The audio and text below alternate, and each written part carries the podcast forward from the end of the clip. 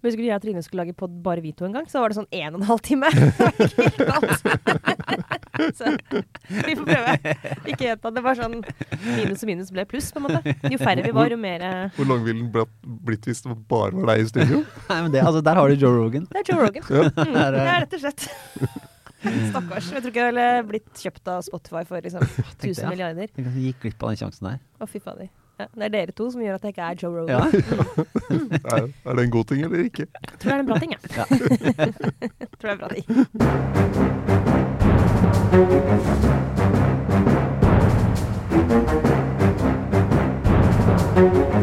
Nei, sånn. eh, Velkommen til denne ukens Aftenpodden. Vi er på plass i studio. God dag, god dag, Sara Sørheim. Kommer jeg først nå? Ja, Hei!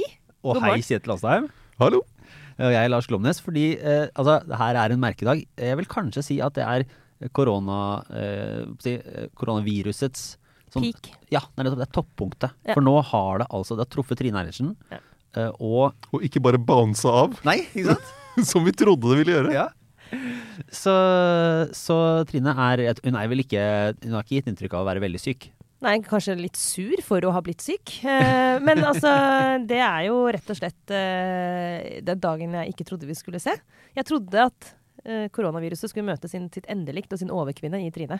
Det har jeg genuint trodd, men eh, faktisk ikke. Så nå begynner jeg å lure på om det er Kina som har lagd det jævla viruset uansett. Og liksom, dette er ikke til å spøke med. Men, eh, men vi håper jo og tror at eh, det her er bare snakk om et lite blaff, da. Ja. Trine er tilbake neste uke.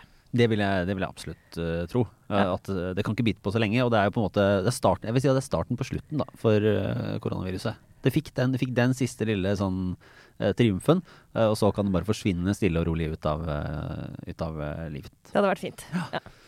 Og du, Lars, har heller ikke vært på ditt mest sånn, hva skal vi si, utadvendte siste dagene. Du er jo egentlig veldig hyggelig å se deg her. Jeg var jo lenge i tvil om du skulle komme òg. Ja, du ja, har eh, bare fått i orden på prioriteringene dine. Ja, det er viktig. Jeg er liksom, sånn jeg er podkastingens Ivar Hoff.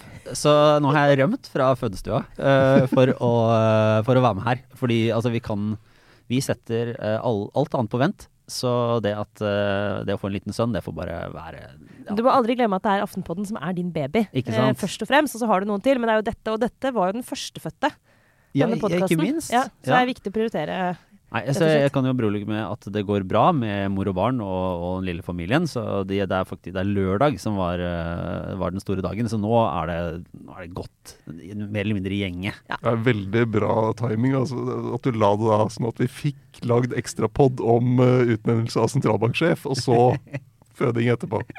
Ja, altså alt, alt eh, for at eh, flyten i, eh, i podkasten skal, skal gå bra. Men det gjør at, at jeg kanskje ikke har vært helt, helt påkobla i, i det store politiske Norge denne uka her. Så jeg lurer på om vi må ta det som en sånn uh, ja, altså Vi må bare gå litt sånn gjennom hva som har skjedd, og, og få prioritert det viktigste. Ja, Sånn vi går gjennom sånn Det er sånn første Stoltenberg-dag, andre Stoltenberg-dag, tredje Stoltenberg-dag. Altså er, vi er på en måte i en litt sånn eh, post eh, Stoltenberg sentralbanksjef-uke òg, da. Altså, Ja. ikke sant? Så etter det, så det er jo ikke sånn Jeg følte at det var Det var liksom den utnevnelsen det har gått og venta på så lenge. Så denne uka er litt mer sånn vi sysler med vårt. Det er mange saker å snakke om, men eh, det er ikke den der intense spenningen. Det er liksom deilig litt sånn Hvis du først også skulle ha en litt sånn off uke, og hvis Trine også først skulle bli syk, så er det sånn det, det, nå er det mer det vanlige, og det er ganske deilig og forfriskende, det òg. Men vi har nok å snakke om.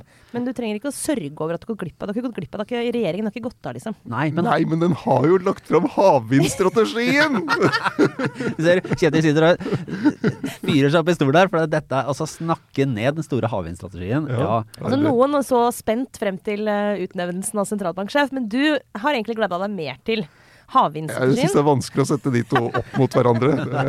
Det er eh, Nei, fordi at det- og her, eh, her kan jeg betimelig komme liksom full av spørsmål inn i dette her. Fordi at Ok, dette er havvindstrategien. Er den hva er, hva er det for noe?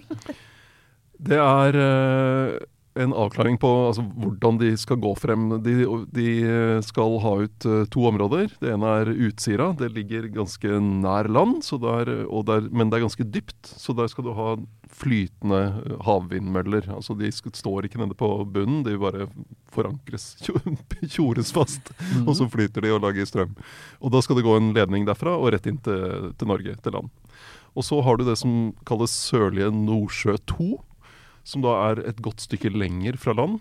eh, men der det er grunt, sånn at de kan ha bygge det på, eh, sånn at de står på bunnen. bunnfast eh, havvindmøller. Og den store diskusjonen har jo vært om de, det der sørlige Nordsjø 2-prosjektet, om det bare skal gå en ledig sånn kabel rett til Norge, eller om det skal bli del av et sånn nordsjønett, eh, der du har eh, kabler som også går til Danmark, Tyskland, Storbritannia. Er det, er det her eh, det, Som kalles hybridkabel. Nettopp. Ja. Ja. Men da er du rett inne i den diskusjonen som vi har hatt hele vinteren, egentlig. Som veldig veldig enkelt oppsummert er litt sånn Skal vi dele på energien eller ikke? sånn? Altså hele strøm, strømsituasjonen. For det, jeg ikke helt har skjønt, er Er det nøyaktig samme måte, dilemma? Uh, at hvis man kobler seg på og lager sånn hybridløsning, så vil vi kanskje Det er litt sånn som å binde renta eller ikke. Altså over litt tid kanskje få billigere uh, strøm, men det vil også gjøre at vi vil havne i samme situasjon med havvinden som vi er ellers på strøm. Er det sånn? Er det overførbart, liksom? Eh, forskjellen er eh, Altså, det er jo en ny eh, mellomlandsforbindelse, kan du si. ikke sant? Og i Hurdalsplattformen så står det at det skal man ikke bygge. Eh, men så har Arbeiderpartiet og så Senterpartiet ment at eh, hybridkabler skal vi ikke ha. Og så har Arbeiderpartiet hatt en annen eh, holdning, fordi de mener at dette er noe annet. Fordi det er ikke bare en kabel rett over til andre land, det er kraftproduksjon på halvveien. Og Så det har vært liksom striden internt i regjering, og løsningen nå har vært at de, de tar denne sørlige Nordsjø 2 i to faser. Der de tar halvparten nå og sier at strømmen fra den første halvparten skal gå rett hjem. Og så skal de vurdere hva de skal gjøre med den andre halvparten. Ok. Nettopp. Er det, det høres litt ut som en sånn klassisk Arbeiderparti-seier. Hvis du er et sånn øh, Hvis jeg skulle Som er sånn øh, Arbeiderparti som tenker litt sånn langsiktig, så vet jeg at ok, nå bryr folk seg om strømprisen. Eh, Senterpartiet er veldig mot sånne hybridkabler. Vi tar halvparten nå, eh, sånn som Senterpartiet vil ha det. Og så i framtida så gjør vi det på en helt annen måte. Og så bare dytter vi alt fram. Er det Ja, det, det lukter jo litt av det. Altså, du så, så jo på Jonas Gahr Støre. De sto jo og hadde den pressekonferanse ute på, på bryggekanten ved Indre Oslofjord, og de, de så jo så frosne ut! det, var jo, det var jo vind, ikke sant? Ja. Kald vind. Sur vind. Eh, men det som er forskjellen, da, en store, en viktig forskjell her, er at når du da ikke når du bare bygger kabel, en radial som de kaller det, Yes. rett inn eh, hjem til Norge, så blir eh, lønnsomheten dårligere for de som skal bygge ut. Sånn at eh, dette kunne vært et lønnsomt prosjekt der eh, utbyggere bare sa dette vil vi bygge, og, og så bygde de. Men i stedet så blir det et prosjekt der du må eh, sannsynligvis staten må inn og subsidiere det. Uh, og at eh, det skal være en auksjon for å få disse rettighetene, men da vil auksjonen handle om hvem skal ha minst statsstøtte for å gjennomføre prosjektet. Så egentlig så bytter man litt ut eh, markeds... Rett og slett markedsøkonomien mot at man, at man subsidierer isteden med statlige penger. Ja. For å ikke skulle risikere at vi får høyere priser fordi eh, strømmarkedet liksom presser prisene opp på sikt. Altså, er, det, er det egentlig sånn? Ja, og det, men, og, men det er ikke lagt frem noen eh, utredning eller- eller analyse fra regjeringens side av hva vil hybridkabler bety for strømprisen i Norge. Fordi de kablene vil jo også være en mulighet til å importere billig strøm fra kontinentet når det er mye billig strøm der. Mm. Så det, det er eh, Og, det, er, det er ingen det er ikke, de har ikke, Regjeringen la ikke frem noe nytt noen, sa, sånn faglig basert grunnlag for den beslutningen i går. Hvis vi bare uh, hever det et øyeblikk, uh, så er det sånn, for å forstå det riktig altså, Poenget med havvind er at det er liksom grunnleggende nå store satsinga fra norske politikere for å få til fornybar energi i Norge. Mm. Ikke sant? I tillegg til vannkraft. da. Eh, fordi at man vil bygge ned uh, olje og gass. Og så har man sagt nei, eller flertall har sagt nei til vindkraft på land i veldig stor grad. Så det Ja. finnes ikke noen sånn veldig farbar vei til en stor utbygging av vindkraft på land lenger. Så da tenker man sånn, den store utbygginga skal skje til havs. Og der har jo litt av debatten nå, eh, som jeg, jeg forstår, at Arbeiderpartiet sier at dette er liksom første steg på vei, og, og Senterpartiet at første steg på vei til en storstilt omstilling, mens Høyre sier ja, det er faktisk en halvering av det vi hadde planlagt. Så eh, er det no, hvordan er det hvem, hvem har rett? Er begge rett, antageligvis? Ja, Halveringen er det at de utsetter halvparten av Sørlige Nordsjø 2. Og så er spørsmålet hvor lenge, hvor lang tid tar det før de eh, er ferdig med å utrede om de skal ha hybridkabler der eller ikke. Eh, og så har du, og En annen nyhet var det at de eh, skal kartlegge andre områder langs kysten der det skal åpnes for havvindutbygging. For da, da drar du det helt opp til Finnmark. ikke sant? Har, eh, det er jo mye vind langs hele den kysten. Så det er også en del av, en del av det. Og så er det, det er litt sånn sammensatt argumentasjon her. Det ene er at Norge kommer til å trenge mer kraft fordi vi skal elektrifisere mye mer. Med alle som skal kjøre elbil, og du skal ha tungtransport over på strøm og sånne ting. Og så har du alle disse ønskene om å bygge batterifabrikker og den slags, som kommer til å kreve mye kraft. Så det er, det er jo den type motiver for å, for, å, for å, ha satsingen. Spørsmålet er jo hvordan du skal gjøre det. Skal det være prosjekter som er lønnsomme og betaler seg, eller skal staten ha en stor i å subsidiere? Jeg lurer på, det det kanskje er en sånn post-korona-effekt i min sånn analyse av politikk, på et vis. Men det framstår nå, da, for jeg er vant til det liksom tar store grep. Vi stenger ned et samfunn, og vi gjør liksom svære ting som vi har vist at det kan vi gjøre når det er noe som virkelig betyr noe. Uh, og så hører jeg at uh, politikerne egentlig fra begge sider snakker om den havvindsatsinga som er starten på et sånt stort grønt eventyr og uh, omstilling av norsk industri, og at det er så svært.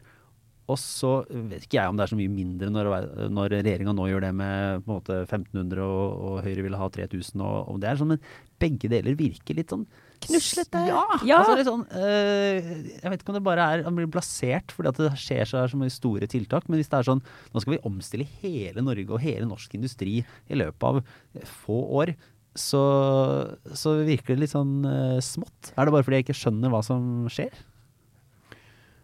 Um, nei, det Jeg vet ikke. Det, det, det er uh, Jeg vet ikke hvor altså, Det er noe med hele altså det, Den omstillingen norsk økonomi skal igjennom, den er jo kjempestor. Uh, med, med, hvis du ser for deg at uh, nesten uansett hva som skjer, så kommer jo olje- og gassvirksomheten til å, å trappes ned og få mindre betydning for norsk økonomi. og hva skal, da, måte, hva skal komme inn i stedet av arbeidsplasser og sånn. Men situasjonen nå er jo at det er mangel på arbeidskraft. Uh, og man stimulerer olje- og gassnæringen med den skattepakken som kom under koronaen. Sånn at det er jo ikke så mye plass til uh, alle disse batterifabrikkene og sånn. Hvor, skal de, hvor skal de arbeidstakerne komme fra? De er jo travelt opptatt med olje og gass fremdeles. Mm. Men dette her du sier nå, ikke sant? Er jo, det her er jo sånn realiteten. som bare er sånn. Og ting tar så lang tid. Og det er så eh, Alt henger sammen med alt. Og du får liksom ikke ting til å flyte og fly. Men jeg tror, Lars, hvis vi skal virkelig tenke sånn stort på det, sånn mer sånn tidsåndmessig At den derre følelsen av at Erna Solberg fra en dag til en annen kunne bare stenge ned samfunnet. sant? Den der setningen som vi alle sammen kommer til å huske resten av livet, som er sånn Vi innfører de mest drakoniske, eller kanskje ikke det hun brukte på pressekonferansen, men liksom tiltakene i mest inngripende ja. tiltakene i fredstid. Så uh, i ettertid så tror jeg flere enn meg sitter igjen med en følelse av sånn Ja, men herlighet, hvis det virkelig er noen som har trykka på den røde knappen, så er det mulig å gjøre ting som er med vanvittige omkostninger, men bare, man må bare gjøre det fordi det er krise. Og da melder det seg jo det spørsmålet sånn OK, men den virkelig store røde-knappen, altså klimaknappen, den er blitt trykka på for lengst. Hvorfor har man ikke den samme? Altså, nå har vi opplevd at det er mulig å bare ta et sånt sinnssykt grep. Den følelsen ble jeg noen ganger sittende litt med hele den klimadiskusjonen. at um, hvis det var mulig å faktisk erstatte olje med eh, fornybar energi gjennom å bygge vindmøller. Bare omringe hele Norge med vindmøller. Bare kom igjen! Hvorfor kan jeg ikke gjøre det? Og en annen ting, kan jeg, når jeg først er i gang. Mm. Eh, jeg skjønner jo åpenbart at man må ha sånne områder i havet hvor man skal finne olje, for det er liksom ikke overalt. Men hvorfor skal man ha sånne egne områder, Nordsjø sør 2? Uh, for vindmøller. Hvis de kan flyte til og med, kan ikke bare, sette, kan ikke bare ha vindmøller overalt? Det er et genuint spørsmål. Hvorfor må det være sånne egne konsesjonsområder? Mm, det har litt med annen aktivitet i havet. Vi har sånn fiskerinæring. Ah. sånn at uh, de, er også, de er jo bekymret for havvindsatsingen. Og det er noe det er noe med Apropos det med vindkraft på land. Det var jo en voldsom entusiasme i norsk politikk for vindkraft på land. Ja, ja. Man satte inn de grønne sertifikatene som subsidierte det frem. Og så så man etterpå at uh, dette ble gjennomført på en måte som skapte massiv motstand. Uh, du fikk uh, alle de protestene mot det, og nå er det nesten ingen som tør å være for. og så fikk du også en situasjon på, for sju-åtte år siden der denne nye vindkraften på land bidro til at strømprisene i Norge var så lave at de som hadde vannkraftverk, ikke tjente nok penger til å ruste opp vannkraftverkene sine. Men alt dette blir jo veldig smått, hvis du virkelig ser det store bildet. da. Ok, så blir du upopulær, ok, så taper de penger. Men liksom, vi jo, må jo fornye den uh, vi, må jo ha, vi, må jo ha, de vindmøllene for å klare det derre forbanna grønne skiftet? Ja, men da, må, da må du i hvert fall eh, passe på at det er lønnsomme prosjekter du bygger ut, og at du har eh, tester det mot eh, rent sånn hva, hva, er, hva er lønnsomheten i dette? Hvordan, eh, når staten skal gå inn da og subsidiere eh, havvindutbygging, og, og næringsminister Jan Christian Vestre løper rundt og skal subsidiere batterifabrikker og jeg vet ikke hva, så er det spørsmålet hva, Hvis staten skal ta regningen for hele det grønne skiftet, så kan du gjøre veldig mange dårlige valg, og kan, det kan bli veldig dyrt. Så det er noe med hvordan man gjennomfører hele den omstillingen av, av samfunnet. Det er en interessant diskusjon også, fordi at det er jo ingen altså, hva, er, hva er veldig dyrt? Det er også, ikke sant? Er det, er det veldig, altså, pengemessig veldig dyrt, men på sikt, hvis man ikke gjør det, hva er da kostnaden? Jo, men Spørsmålet er jo ikke å ikke gjøre det, men hvordan du gjennomfører en, en omstilling. Ja, det blir utrolig spennende å se om man klarer å liksom komme seg løs fra der det virker som regjeringen er akkurat nå, da, gitt den strømkrisa som eh, vi har stått i så lenge, hvor det på en måte ikke er noe alternativ engang. Å gjøre noe annet enn å bare si at vi tar regninga. Altså, de har havna litt i en sånn i, i- Malt seg inn et hjørne der. Eh, men om det i løpet av denne regjeringsperioden en, kommer til å endre seg sånn at den, f.eks. denne utbyggingen, at man kan ta sjansen på å liksom, koble oss på Europa igjen, eller om den bare, ideen bare døde i vinter. Jeg tror Det er jo en del som uh, har vært utålmodige på havvind, og som uh, ville ønske seg med sånne hybridkabler, men som har mer enn sånn OK, vi skjønner at det går ikke nå denne vinteren. Ja, ja. Og som leser rommet, rett og slett. Og Ja. som tenker sånn OK, vi så får se. er, og så er det noe med at den kraften, selv om det ikke er en kobling direkte til kontinentet, så kommer det jo inn i det norske systemet som har koblinger til utlandet. Så det er ikke sånn at du kan si at uh, denne kraften er forbeholdt uh, norsk industri eller norske husholdninger. Det er jo hvis det er kapasitet i nettet som er etablert allerede uh, ut av landet, så vil det jo, det vil jo gå inn i det, den totale liksom, mengden vi har, da. Det bare helt til slutt, er det, SV har jo vært kritisk eh, og, og er jo som kjent det konstruktive opposisjonen i, i dette Stortinget. Eh, Men, men er dette noe som kommer til å ha en stor runde og bli endra mye i, i Stortinget, tror du Kjetil? Eller er det noe som går igjennom mer eller mindre sånn som det er eh, satt opp? Skal det behandles i Stortinget? Ja, ja. Det, det, det blir jo en runde i Stortinget, og så får vi se litt hvordan de hvor, Det er ganske mye kritikk nå på, på ulike, ulikt vis, da, med Frp som er bekymret for hvor mye det vil koste, og, og de gamle regjeringspartiene som mener det går for sakte, og SV som vil ha en annen modell for å dele ut disse eh, konsesjonene. Så, så det blir en eh, Det er ikke avklart ennå. Ja, ja. Nei, men vi får se. Eh, en annen ting da, som jeg bare, Nå plukker jeg ned sånne hvaler som jeg har sett fare forbi i løpet av uka, eh, for, for å gå gjennom. Det er altså spørsmålet om stortingslønn. Ja. Som det skal avgis i dag. Det skal altså torsdag. voteres. Ja, i dag er det torsdag. I ettermiddag, litt, ja, en gang etter lunsj i hvert fall, tror det er ettermiddag, så skal de stemme i Stortinget for, uh, over sin egen lønn. Og det er jo en litt sånn corny ting å gjøre. Altså, det er ikke lett uh, egentlig å altså, eller for å si på en annen måte, man kan, man kan fint kritisere stortingsrepresentantene for å sitte der og bestemme hvor mye de skal tjene. Altså hvem andre får lov til det. Men så er det nå engang sånn at hvem andre skulle bestemt det? Jeg vet ikke, jeg syns i hvert fall det er en om ikke annet så fra en sånn, nesten sånn kikkedramaperspektiv, så er det liksom gøy å se fordi at det setter folk Det er som å se et sånn live jobbintervju. litt sånn der, Hvordan er det besvarer det vanskelige spørsmålet der? Sånn, hvor, mye, hvor mye penger skal du ha? Nei, så, så er det sånn, ja, jeg vil jo ha så mye som mulig. Og så, ja, men så er det noen som ser på, og så sitter de og vurderer og, Um, og, så er det og finner ut hva som kan passe. Ja, så her er det jo da sant, på det, sånn, Hva er det riktige svaret? Jeg ser Mimir Kristiansson, han skal virkelig ha for Han er jo alltid i stand til å lese et rom. eh, Og jeg ser jo at han svarer jo det som er det enkleste eh, svaret. Eh, han skriver på Facebook nå. Han var vel i Dagsnytt 18 i går også. Og drar selvfølgelig opp sykepleierlønn. Og, og, ikke sant? og kjører på med sånn Hvorfor skal vi, altså sykepleierne som jobber og sliter og, og har redda oss gjennom pandemien, de tjener såpass lite. Og så er det sånn der, da er det liksom The decent thing to do er at hvorfor i all verden skal vi folkevalgte liksom heve oss over dem osv. Og, så og det er jo så lett å argumentere sånn. Men, det skal, ja, men der skal jo bare, det, det er jo lett å argumentere sånn, og interessant selvfølgelig, men en fun fact Men er det som- riktig? Nei, er jo om, eh, altså I Rødt og SV i hvert fall har jo en, også en partiskatt. Så i Rødt så har de jo på en måte satt sitt eget lille lønnstak. Uh, som gjør at de, eh, de ligger betydelig under i, i praksis. I lomma da, så får de ut mye mindre enn det en del av de andre politikerne får. Det samme er det vel i hvert fall i SV og muligens i andre partier, men på mye lavere satser. Og så er det verdt å høre den Dagsnytt 18-runden med Mimir Kristiansson, for han møtte jo da Kari Henriksen fra Arbeiderpartiet, som faktisk har jobbet som sykepleier. og kunne forklare ham hva som er forskjellen på å jobbe som sykepleier og ha, ha en del fri, faktisk. Ja. Eh, Og det å være stortingsrepresentant.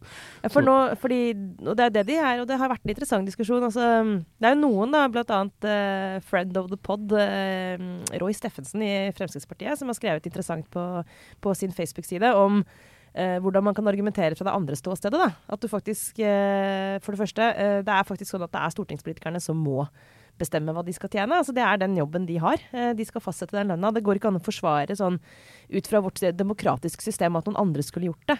Eh, og så er det jo sånn også at eh, noen går jo kraftig opp i lønn hvis de blir valgt inn på Stortinget. Andre går kraftig ned i lønn. Eh, men at det her er en krevende jobb, som du var inne på, Kjetil. Du er på jobb eh, hele tida. Du kan aldri ta egentlig fri. Eh, og i mitt hode så er det ganske åpenbart at det må være relativt sett godt betalt. For vi ønsker jo at det skal være attraktivt å være folkevalgt, og at de flinkeste folka Ideelt sett så bør de absolutt flinkeste menneskene i Norge sitte på Stortinget.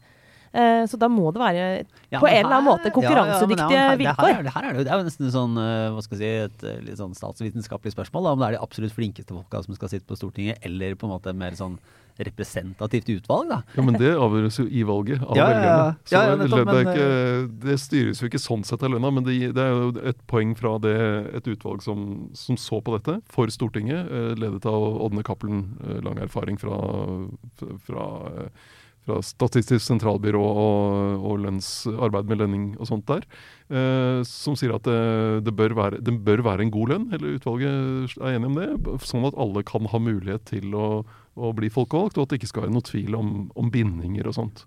Så, så det, men det, det politikerne har prøvd å gjøre, det er, jo, det er jo kleint for dem. Så du ser det når det er sånne debatter om lønn, så er det jo veldig få som deltar. Så det, sånn sett er det jo veldig bra at Roy Steffensen skriver det han gjør. Eh, Men det Stortinget har gjort da siden 90-tallet, var at de, de opprettet en sånn lønnskommisjon. Som hvert år gjorde en vurdering av eh, lønningene og hvordan lønnsutviklingen i samfunnet var. Og så kom med en innstilling om sånn og slik justering. Og så har Stortinget stort sett bare sagt OK, da gjør vi det sånn. Og så har, du, fikk du, kom pandemien, eh, og da i 2020 så sa Stortinget at nå er det litt vanskelig i landet, så vi, vi tar lønnsfrys. Og så kom det denne andre, nye kommisjonen, den med Odden Cappelen som leder, som eh, hadde sin innstilling om hvordan prinsippene burde, være. Og det var det ganske bred enighet om i fjor. Ja, ikke sant? Og det, det var at det skal Men følge i utgangspunktet også skal følge lønnsvekst i samfunnet. Ja, sånn som det egentlig har, Ja. har gjort. Og så har de jo sagt at du, de bør ikke følge toppleder i staten, fordi der, der går det for fort. Ja. Så det er jo en, eh, et måtehold her. Eh, men så kom jo hele den skandalehøsten. ikke sant? Eh, Mm. de Reiseregningene begynte jo før det, og så kom hele, hele pendlerboligsaken. Og så er dette eh, blitt vanskelig. Og så kommer Arbeiderpartiet nå og sier at nei, nå må vi vente på et utvalgsarbeid som er satt i gang for å se på velferdsordningene for politikerne. Som egentlig bare er å eh, som, som, Det utvalget skal ikke se på lønn. De har altså et utvalg som ser på lønn. Så det er, det er ikke noen god begrunnelse. Og så er det andre problemet er at de, da får du en, enda et år uten lønnsjustering, så får du et sånt etterslep. Og da blir det jo et kjempehopp igjen Ja, neste sant? år. Ja. Hvordan skal du få til det? Uh, og så er det noen som sier, bare for å ta, ta det, hvorfor kan de ikke bare få det samme kronebeløpet som de som har en, en vanlig lønn? Og det kunne de gjort, men da har du jo, da har du jo en reallønnsnedgang over tid. Og det generelt sett så mener vi jo at folk skal i hvert fall beholde reallønn og kjøpekraften, og til og med ha en forbedring. Sånn at det, det blir jo et eh, Det vil jo sånn gradvis devaluere politikernes lønn. Men det her er en av de sakene som vi faktisk ikke vet eh, nå på torsdag formiddag, eh, vet utfallet av. Nei. For det er genuint spennende hvordan det skal eh, Ja, for det er litt sånn, her er det jo sprekk i laget. ikke sant? Ja. Arbeiderpartiet vil vente, Senterpartiet vil, eh, vi, vi- og er gått sammen med Høyre blant andre, og de, de vil ikke vente på den måten. så det er, Og så har det da Rødt og SV som har sine forslag. Så det, det er uh, uavklart. Men tror du ikke bare sette krysset i kalenderen for sånn Dette er årets kleineste debatt uh, for våre kjære folkevalgte. Og jeg, jeg får sånn Jeg får sånn derre åh, sånn cringe-følelse hele meg og tenker på liksom de som må ta den derre Særlig de som må ta den uh, kampen for liksom, da vi, fort, vi fortjener bedre. Fordi vi fortjener det.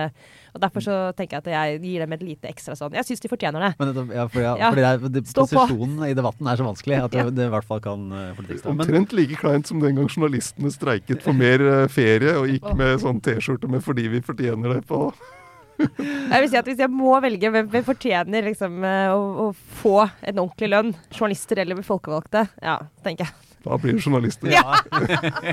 altså, det er noen må ta den uh, vanskelige posisjonen også, Kjetil, så det er godt, uh, godt du tar den for laget. Men kan jo, det er vel eh, Nå vet jeg ikke om dette er en sånn spesielt stor velgermagnet av en sak eh, uansett, men hypotesen er jo kanskje at uh, Rødt uansett ikke svekker seg da, på å være måteholden med politikeres lønninger. Altså På ingen måte. Altså, det, for det, er det, her er jo kanskje egentlig det mest sånn vanvittige som har skjedd, eh, som holder på å skje i norsk politikk.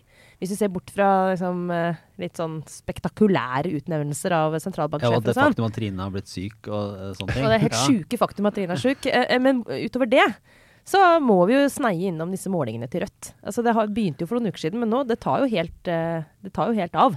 Nå Ja. er de oppe på tosifra på enkeltmålinger. Altså, hva var det for noe i De, Fri fagbevegelse hadde målt Rødt nå på 10,3. 10,2, Ja. tror jeg. 10,3. 10,3. Ja. Norges tredje største parti. Det er eh, ville tall, altså. Og, og ikke minst så avstedkom det en, eh, en, eh, en, en, eh, en kommentar fra Bjørnar Moxnes. Ja. Rødt-lederen Moxnes sier da til Dagsavisen at, og Fri fagbevegelse at veksten vår tar luven av Fremskrittspartiet. For Fremskrittspartiet sliter jo på målingene. De, de, de får liksom ikke noe ut av denne winter of discontent. Eh, og så sier da Moxnes statsministeren bør sende oss en bukett med friske roser. Ikke bare kritiserer vi regjeringen og kommer med forslag til løsninger, ja da, ja da, ja da, men vi lukker også rommet for Frp og leder Sylvi Listhaug. Og dette er jo bare Det Moxnes sier nå, er at hesteskoteorien er presis.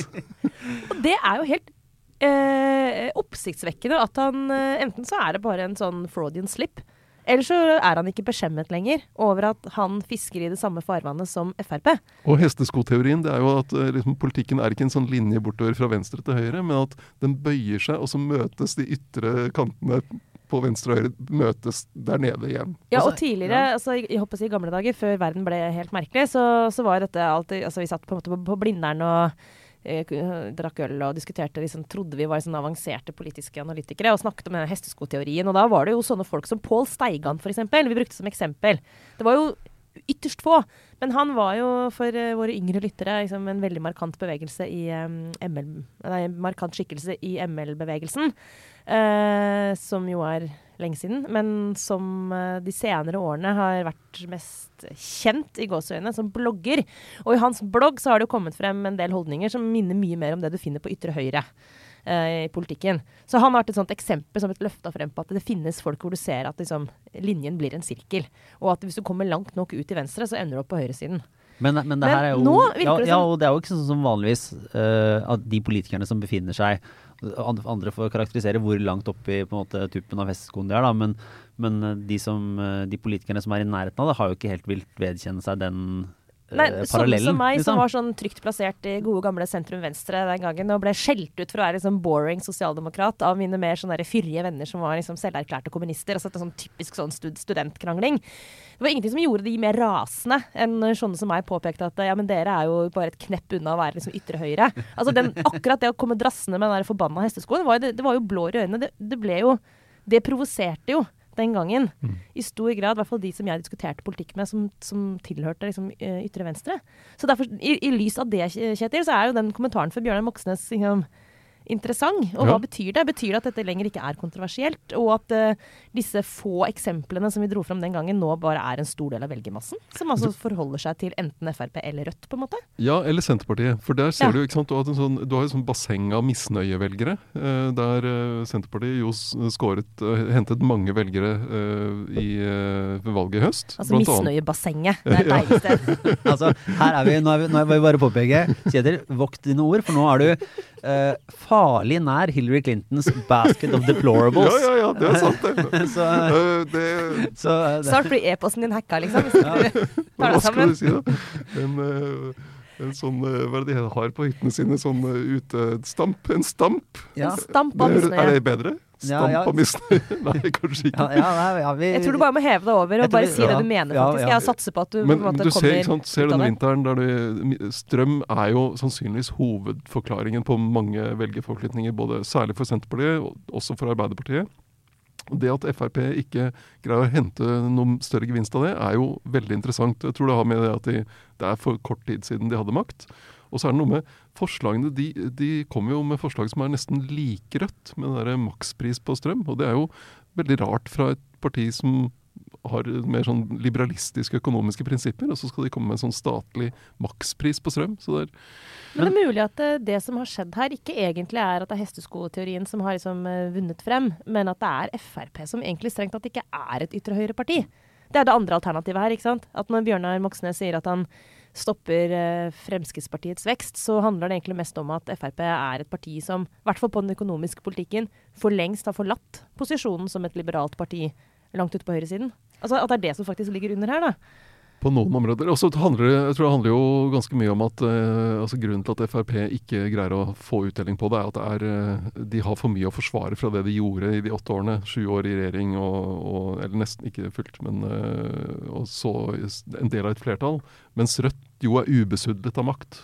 Så, kan, eh, så oppskriften her for, eh, for regjeringen er jo bare ta for Arbeiderpartiet er å ta Rødt inn i regjering så fort som mulig.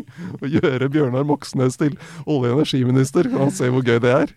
Da, men da hopper det automatisk mer eller mindre. Da hopper eh, 5 av eh, velgerne De går da over tilbake til Frp. Ja, eller hvor skal de gå da? Da har jo kan- alle, alle bortsett fra Pasientfokus. Da kan, da, er da, er de som, da kan, de gå til, kan de gå til KrF, kanskje ledet an av uh, oppturen uh, som eh, potensielt kommer etter at uh, Ingelin Noresjø gikk av som nestleder. Det, er- det, er lille, det, Det- har dryppa inn i bobla mi, da. Jeg tror ikke problemet for KrF var Ingelin Noresjø, altså. Det var noen som ikke helt fikk med seg at hun ble nestleder, tror jeg, før hun gikk av. Så det, men ja. Det, det er vel eh, ikke den største kioskvelteren, muligens, Lars, som du har fanget opp. Nei. hvis det er den saken du har fått med deg. Det Eh, filosofiske spørsmålet hvis Ingelin Noresjø har eh, gått av som nestleder, og, eller gått på som nestleder, gått av som nestleder, og ingen har fått det med seg, har det da skjedd? Altså, det er, eh, jeg synes det er faktisk litt vanskelig å svare på det spørsmålet. Men eh, hun har jo fått en ny jobb, så hun har, det har jo skjedd i virkeligheten. Hun har jo faktisk eh, hva hun skulle, hun skulle, hun Hun skal bli prosjektleder for grønt uh, landtransportprogram i NHO. Ser man det? Mm. Men hun er vel en slags Kristelig Folkepartis svar på Arbeiderpartiets Bjørnar, Bjørnar Skjæran, tenker jeg vi kan si, for folk som lurer på hvem hun er. Og, og ingen, det, ingen, eh, det var ikke meninga å, å ta lett på hennes innsats som nestleder i, i KrF, som sikkert har vært helt utmerket, altså. Eh, men hun har jo, jeg tror det er beviselig objektivt sett, ikke eh, slått gjennom i den nasjonale bevisstheten. Nei. Og det gjelder jo egentlig hele altså det er, det er, Vi snakker om nå liksom, hva skjer med eh, opposisjonen. Hvem er det som på en måte får Hvem er det som klarer å vinne på den misnøyen som vi ser i løpet av vinteren. og sånn. Men uansett hvordan man vrir og vender på det, så er ikke svaret KrF, på en måte. Altså, det er bare, de, er, de har ikke en eh, det er ikke eh, det er, de, er, de er bare ikke der nå i norsk politikk. Og om de kommer til å komme dit noen gang igjen at noen bryr seg om hva KrF mener, jeg vet ikke. Det, ja. det blir spennende å se hvem som blir nestleder, om det blir en person som faktisk kan uh, Ja, Løfte altså det, jeg, jeg mener jo at det ligger mye spennende faktisk eh, i, i, i utviklinga til KrF. Altså for de er jo et sånn veivalgsparti som, som vi jo har sett de siste fem åra, som, som på en måte er så små at de kan finne på smått radikale ting for dem. da. Jo, Altså hele det spennet mellom mellom en Kristen-Norge, sekulær-Norge, altså breie seg ut, smalne seg inn. De, de står jo i litt sånn eksistensiell krise, så, så de valga de tar, kan jo bli litt viktige. Men jeg tror Men jeg bare tenker på det med ideologi, ja. Lars. Det, ja, ja, er det noe KrF har, så er det i hvert fall et tydelig ståsted. Det er mer religiøst enn ideologisk, kanskje, men uansett at de er kristenkonservative og, og, og et verdiparti. Det, akkurat nå er ikke det noe de vinner veldig på, men det er klart at der er det en sånn den er en konstant holdning, eller en kontanthet, som kanskje liksom på tror- Men akkurat der tror jeg bare det ville, det ville vært uh, replikk i KrF på, fra flere på den beskrivelsen. Ikke sant? Kristen, bare kristenkonservativ. Det er mange i KrF som uh, ikke ville kjenne seg igjen i det. Du er, kanskje, du er kanskje der på en del av grunnfjellet, men, men så har du jo, hvis de skal bli større, hvis de skal vokse, så må du jo eh, trekke til deg andre typer velgere også. Så Ja, nei, for Da faller for så vidt poenget mitt i denne sammenhengen, men det var likevel at Men akkurat nå så er det i hvert fall tilsynelatende lite å vinne i, i norsk politikk på å være liksom, tydelig på noe som helst som har med ideologi å gjøre. Det var egentlig, altså Hvis vi skal Ja, sånn, ja. lese ikke sant, Ja. at Hvis det stemmer, da Vi får se men hvis det stemmer at, eh, at eh, ganske stor andel av velgerne med, med stor letthet beveger seg mellom Rødt og Frp. Mm. Så, så er det lite som tyder på at det er liksom ideologi som, som, er, som er drivkraften her. Altså, da handler det mer om praktisk politikk og strømpris, på en måte, enn eh, om du stemmer på noen som har sitt opphav i eh, liksom, kommunistbevegelsen, eller om du stemmer på noen som har sitt opphav i kamp mot lavere skatt. Altså At det på en måte virker helt irrelevant. Hvis det stemmer, så er vi jo langt unna eh, at ideologi er førende for norske velgere. Det Rødt og Fremskrittspartiet og Senterpartiet har felles, er jo en slags sånn petropopulisme. Ja. At du, det er så mye oljepenger at uh, hvis du har et problem, så kan du bare Her kan vi bevilge mer. Hvis det ikke er uh, jordmødre i hver fjordarm, så kan vi bare bevilge mer penger. Som om det gjør at Som om du kan kjøpe liksom, jordmødre på butikken. som man ikke kan. Men det, det, er, det er jo det. Det ligger jo noe i det den enorme pengerikeligheten i, som øh, norske stat har. Petropopulismen. Mm. Har du funnet på det selv? Nei, det tror jeg faktisk ikke. Jeg lurer på om det Kjetil Widsvang i, i DN har brukt det. Men det er jo en god beskrivelse av eh, den æraen vi har vært gjennom og og så fortsatt står midt i, i, Mm. i norsk politikk. Mm. Når du skal skrive memoarene dine, Kjetil, så kan et kapittel hete 'Petropopulismen'. Jeg tror eh, vi går inn i en runde med obligatorisk refleksjon. Jeg. Så jeg vet ikke om du har lyst til å begynne, Sara? Apropos memoarer. Altså, jeg er jo akkurat litt for ung til å være Skrive. en sånn Dessverre, til å skrive det også. Eh, jeg kan bare si i en bisetning at det å skrive bøker er altså så grusomt at det, det skal, da skal man ha en god historie å fortelle. Det er veldig kjedelig. Det tar veldig lang tid. Har, har, du, har du skrevet en bok? Jeg Sorry, har skrevet en bok. Mm. Ja, men, oh, sorry, sorry. Jeg har skrevet en bok, men det var en ghostwriting, så det kan ha konkurranse, lyttekonkurranse. Hvilken bok tror dere at jeg har skrevet? Jeg kan røpe at den var på nynorsk. Nettopp. Ja. Men eh, nok om det. Eh, jeg skulle tilbake til det å være for ung til å ha opplevd å være redaktør eh, under liksom den store, definerende saken for mine kollegaer som er bitte litt eldre, og, og, og mye eldre òg. Eh, som er litt sånn eh, Jeg tror for de som var journalister den gangen, så er liksom den saken har definert hele, altså, hele livet som journalist. Og jeg skal til, jeg skal til Treholt-saken. Mm, ja, ja. Altså Arne Mm. Treholt. Som, som jo er en, en sak som jeg tenker at vi alle sammen liksom, opplever at vi kan. Altså, alle, det går, du kan på en måte ikke bo i Norge uten å kjenne til Arne Treholt-saken. Men nå er det en dokumentar eh, lagt ut på nrk.no som forteller hele historien. Eh, og jeg har sett første episode bare. Eh, den så jeg i går, så dette er helt ferskt. Men det som gikk opp for meg da, er punkt én, for en vanvittig story. Og punkt to, så lite jeg egentlig kan om Treholt-saken. Altså, jeg kjenner ikke egentlig til liksom, hele den historien sånn ordentlig. Uh, og det har vært interessant. Altså, det, for det, det er en mye drøyere historie. Jeg vet ikke om du, Lars, kan kjenne deg igjen i den følelsen av sånn Kan du egentlig liksom den historien sånn? Nei, jeg kan ikke, men jeg, men jeg har litt den uh, oppfatningen at det er en så Det er helt enig i at det er sånn definerende, og veldig definerende for særlig en, en generasjon med eh, journalister og også politikere, kanskje. Men jeg har nesten gått litt sånn opposisjon til det. Så det er sånn her Jeg gidder ikke å sette meg inn i den Ja, ja. eller, eh, eller lese den, men du mener at det her er, det er verdt å Den er, den er god nok, liksom? Ja, er- det, jeg har også kjent litt på den Jeg har vært litt sånn trass.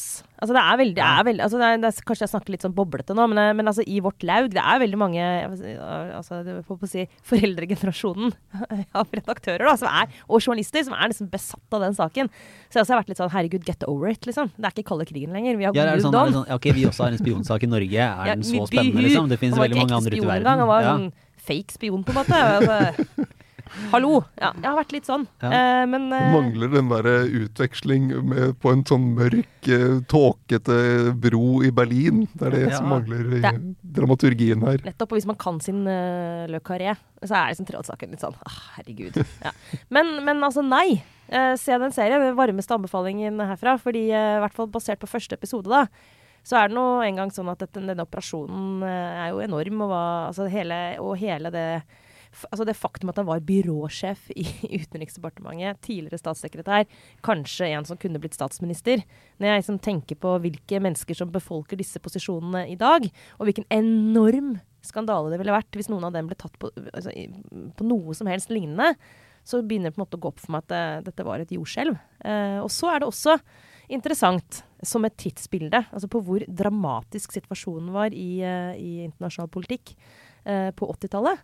Og hvor eh, heldige vi er, bank i bordet, som ikke har det sånn lenger. Altså det, det er sånn Oi, kanskje det siste som kom, inn, kom, kom fram til dette her, men liksom kalde krigen, det var ganske kjipt. det var en Igjen, ja, dårlig men- tid. Igjen er litt for ung til å liksom egentlig forholde meg til den kalde krigen. Ah, ja, den uh, står på. Men Kjetil, du er jo en gammel og klok og, og vis mann i dette nye. Jeg er, ikke så, jeg er ikke så gammel at jeg tilhører den der treholt- treholt-generasjonen, altså.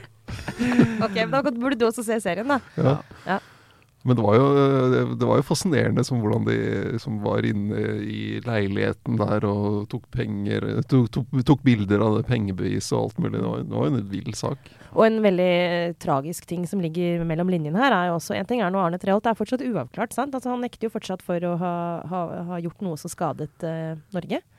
Men uh, det er i hvert fall uh, flere mennesker i denne saken, bl.a. hans nærmeste familie, som helt åpenbart ikke har gjort noe gærent, men som jo da måtte leve med å bli overvåket i årevis uh, på en så invaderende måte at det er liksom vanskelig å forestille seg. Og det er klart at for hans ekskone og for deres barn osv. Så, videre, så har jo det vært en sånn historie som De har ikke fått noe økonomisk oppreisning på noe vis, f.eks. Så det er en sånn det er en annen side ved denne saken også. Så det er klart at det, det måtte kanskje til, og du kan rettferdiggjøre liksom, Hvis rikets sikkerhet står på spill, så må du kanskje knuse noen egg, på en måte. Men, men det er et menneskelig aspekt også som, eh, som er en del av den historien, som er greit å ta inn over seg òg. Så hvis du er glad i familien din, ikke bli spion. Ja, det Er er, det moralen? Ja, det er blant eh, annet moralen. Eller du kan egentlig bare si sånn generelt. Egentlig, bli ikke bli spion. Nei, ikke bli tatt! OK, det må vi snakke om etterpå. Ja, ja. Og så er det deg, Kjetil. Uh, jo, siden Trine ikke er her, som vi har vært innom opptil flere ganger, så tenkte jeg jeg skulle lage et bitte lite reverseringshjørne. Oi, ja. Sånn at det ikke det glipper for oss. Ja, nettopp. Ja, nei, det er en Jeg trodde du hadde lagd en limerick, jeg nå. Ja. Ja, det, det var nesten sånn i går. Så det jeg hadde en sånn utveksling med en kilde eh, med noen meldinger. Og så var det liksom en sånn veldig lett tone. Og så viste det seg etter hvert at uh, denne kilden uh, var hjemme med covid og, og febernedsettende. Så det var litt sånn Litt, letthodet. litt letthodet, ja. Nei, men altså uh, domstolsreformen. Det er dit vi skal. Det er dit vi skal.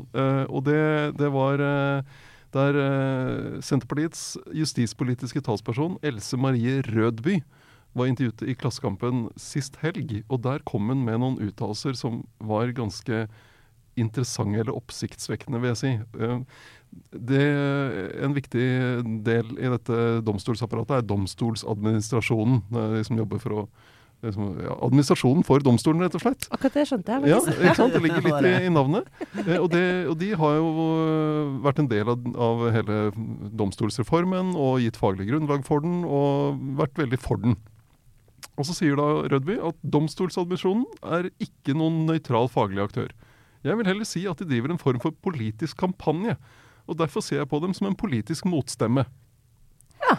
Det, det er eh, Og jeg tror at uh, deres motstand handler like mye om at de ikke deler det samme politiske prosjektet som Senterpartiet, altså.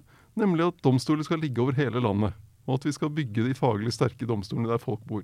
Og så er det et helt, eh, helt vilt utfall fra justispolitisk talsmann, talsperson i justisministerens parti mot domstolsadministrasjonen. Det er sånn eh, Jeg kan ikke komme på noe helt tilsvarende, men du kunne, la oss si at noen gikk ut sånn mot Folkehelseinstituttet. Ja, Og sa at jeg tror de driver en kampanje, eh, koronakampanje i landet. Altså Vi hadde jo sånn Hallo, liksom. Kom med noen faglige argumenter eller noe. Si at ok, det er deres faglige vurdering, men jeg har poli andre politiske prioriteringer, og derfor velger jeg sånn og slik. Mm.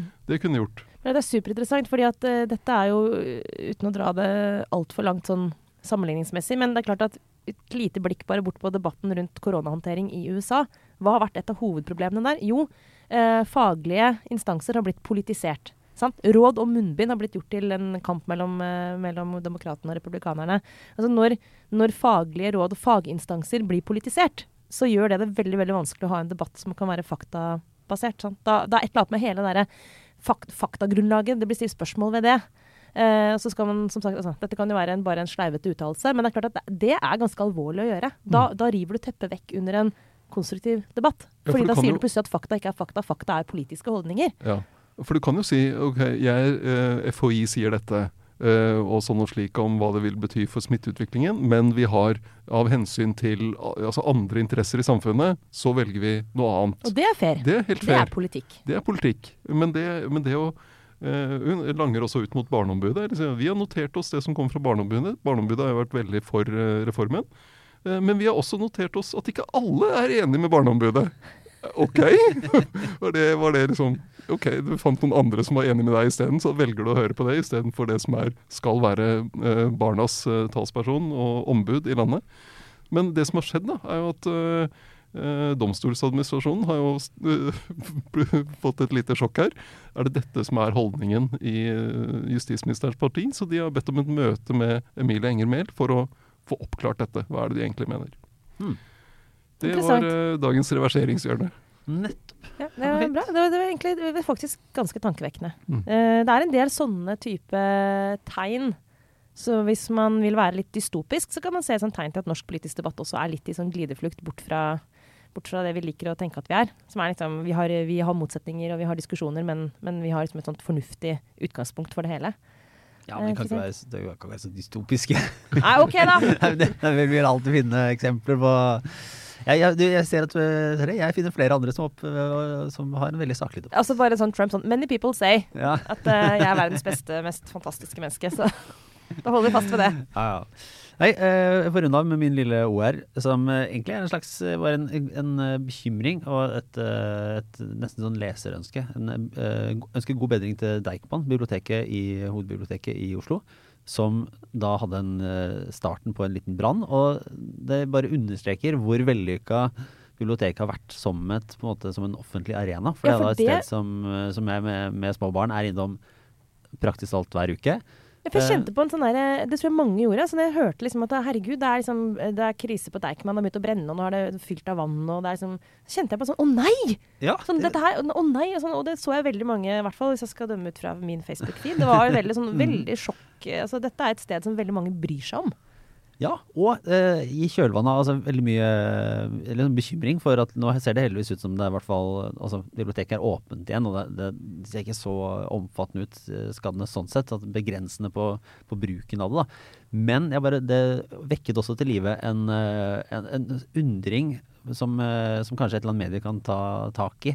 Liksom, hvordan er det egentlig f.eks. sånn sprinkleranlegg da, som, som skrudde seg på når det var en brann i, i en sofa, og som, som etter jeg forstår var en veldig liten brann.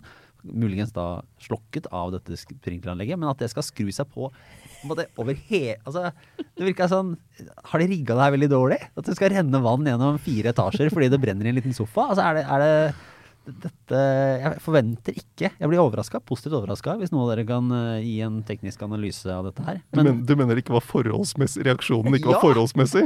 Ja, jeg mener at det virker som altså, skyte spurv med kanon. Hvis de skal vanne ned fire etasjer eh, av en liten sofabrann, så ser jo jeg at det, det kanskje er små marginer da, fra en sofabrann blir en bokbrann.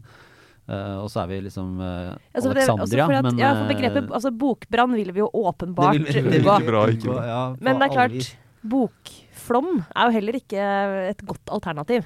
Nei, for det- Eh, for det- Bøkene blir jo Ja. ødelagt av det òg. Ja, for det er sånn, her har vi rigga sånn at det er én tulling med en lighter uh, unna at vi har liksom skyller ut eh, det største biblioteket vårt. Ja. Nei, det her, altså, ingen her kan bidra til å svare på spørsmålet ditt, Lars, men vi kan jo undre oss sammen med deg. liksom, var det virkelig nødvendig å bare sette på et uh, tidenes regnvær inni, inni dette helt nydelige bygget? Men jeg syns det viktigste å ta med seg er jo egentlig at dette Altså, reaksjonene viser jo også at akkurat Deichman i Oslo er et uh, kulturbygg som faktisk uh, virker. Og det har kosta sinnssykt mye penger å bygge det også. Men det er jo litt sånn, og, Ikke et vondt ord om operaen, altså det er et veldig flott bygg det også, men operaen ligger jo rett ved siden av Deichman. Og operaen er for de få. Altså Det er dyrt å komme Inni, inni Ja. er for de få. Tak er for de mange. Tak er for alle. Tak er for alle. Det fungerer veldig fint. Så Sånn sett er også operaen et veldig ålreit bygg. Men på innsiden så er det bare interessant å si at den fiendtkulturen Og jeg mener ikke at vi ikke skal ha det, altså. Jeg syns det er fantastisk at det går an å gå og se opera, men det er det ikke mange som gjør. Og det er ikke heller alle som har råd til det. Det er faktisk ganske dyrt. Selv om de billettene er subsidiert. Men Deichman, som er for alle, det er et så vellykka rom, eh, byrom, og det er så fint å være der. Men det betyr jo også at det er utsatt for f.eks. Nå får vi se da, om denne brannen var påsatt eller ikke. Men hvis den var det, så viser det også hvor sårbart det er. sant? Eh, men også hvor viktig det er for folk. Så det er en, det er en sånn interessant hendelse. Altså Akkurat det med det der- det sprinkleranlegget. Sånn, liksom, kan noen bare Skru det av, da. Ja. Så var det jo jeg så det var bilder av at Donald-samlingen var ja, rammet. ja. Og det, det kan man le av, men det kan man ikke le av. Fordi tegneserier, sånn som Donald, er kjempeviktig vei inn i lesing for, eh, for mange barn. Så det er, håper jeg, de, jeg håper de får orden på Donald-samlingen sin igjen. Ja. da er vi tilbake eh, neste uke, tenker jeg. Vi runder av for denne gang. Det, da, er vel, da, har, da regner jeg med at Eilertsen har beseiret eh, covid. Um, at, Tatt rotta på dette viruset Ja. For oss alle. for oss alle, ja. og, og at eh, vi, resten av oss også er, er gode og friske. Nå har vi faktisk Nå har halvparten eh, vært igjennom. Så nå, har vi dri nå drifter vi denne podkasten som en, vellykket bedrift. Det at vi tar det litt sånn etter tur, men eh, vi når ingen sånn kritisk eh, smittemasse. Vi klarer å holde åpent. Ja, ikke sant? Ja. Det, det, nei, det, skal, det tar vi med oss stolthet av. Godt planlagt, Ja. Lars. Ja, ikke sant? Her er det, er det familieforøkelser og, og sykdom og allting, men dette det bare fortsetter å gå. Helt strålende. God helg, alle sammen. Det var Aftenbånden for denne uka. Ha det bra.